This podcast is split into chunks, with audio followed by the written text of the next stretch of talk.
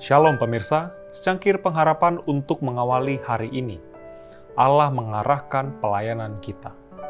Apabila engkau menyerahkan kepada orang lapar apa yang kau inginkan sendiri dan memuaskan hati orang yang tertindas, maka terangmu akan terbit dalam gelap dan kegelapanmu akan seperti rembang tengah hari. Yesaya 58 ayat 10. Sementara kita melihat kebutuhan orang miskin yang bodoh yang tersiksa, betapa sering hati kita terharu. Kita bertanya apakah yang bisa dibuat oleh tenaga kita yang lemah dan persediaan kita yang sedikit untuk menutupi kebutuhan sebesar ini. Apakah kita tidak menunggu seseorang yang mempunyai kesanggupan yang lebih besar untuk mengatur pekerjaan itu, atau suatu organisasi untuk mengambil alih tugas itu? Yesus mengatakan, "Kamu harus memberi mereka makan." Gunakanlah sarana, waktu, dan kesanggupan yang engkau miliki.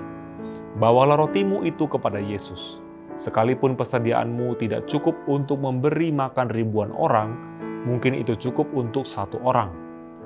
Di tangan Yesus, persediaan bahan itu dapat memberi makan banyak orang. Seperti murid-murid, berikanlah apa yang ada padamu. Yesus akan melipat gandakannya ia akan menghormati ketergantungan yang lugu dan tulus kepadanya. Apa yang tampaknya satu persediaan yang sedikit akan terbukti cukup untuk pesta besar. Hati kita harus dipenuhi dengan kasih Kristus, sehingga ucapan syukur kita akan menghangatkan hati orang lain. Ini adalah pelayanan yang dapat dilakukan semua orang, dan Tuhan menerimanya seperti yang dipersembahkan kepada dirinya sendiri. Dia membuatnya efektif, memberikan kepada pekerja yang sungguh-sungguh rahmat yang mendamaikan manusia dengan Tuhan. Semoga Tuhan membantu umatnya untuk menyadari bahwa ada pekerjaan sungguh-sungguh yang harus dilakukan. Semoga dia membantu mereka mengingat bahwa di rumah, di gereja, dan di dunia mereka harus mengerjakan pekerjaan Kristus. Mereka tidak dibiarkan bekerja sendirian, Para malaikat adalah penolong mereka, dan Kristus juga adalah penolong mereka.